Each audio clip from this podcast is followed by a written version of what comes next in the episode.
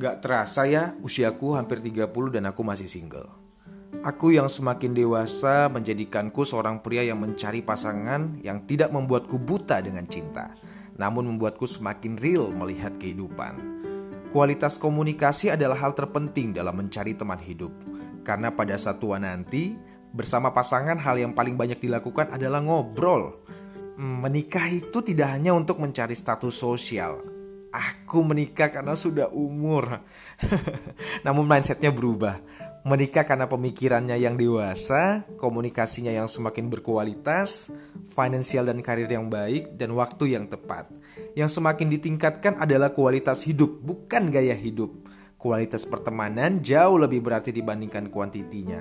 Dan aku percaya waktu Tuhan akan beriringan dengan visi dan tujuan hidup yang benar dan tepat.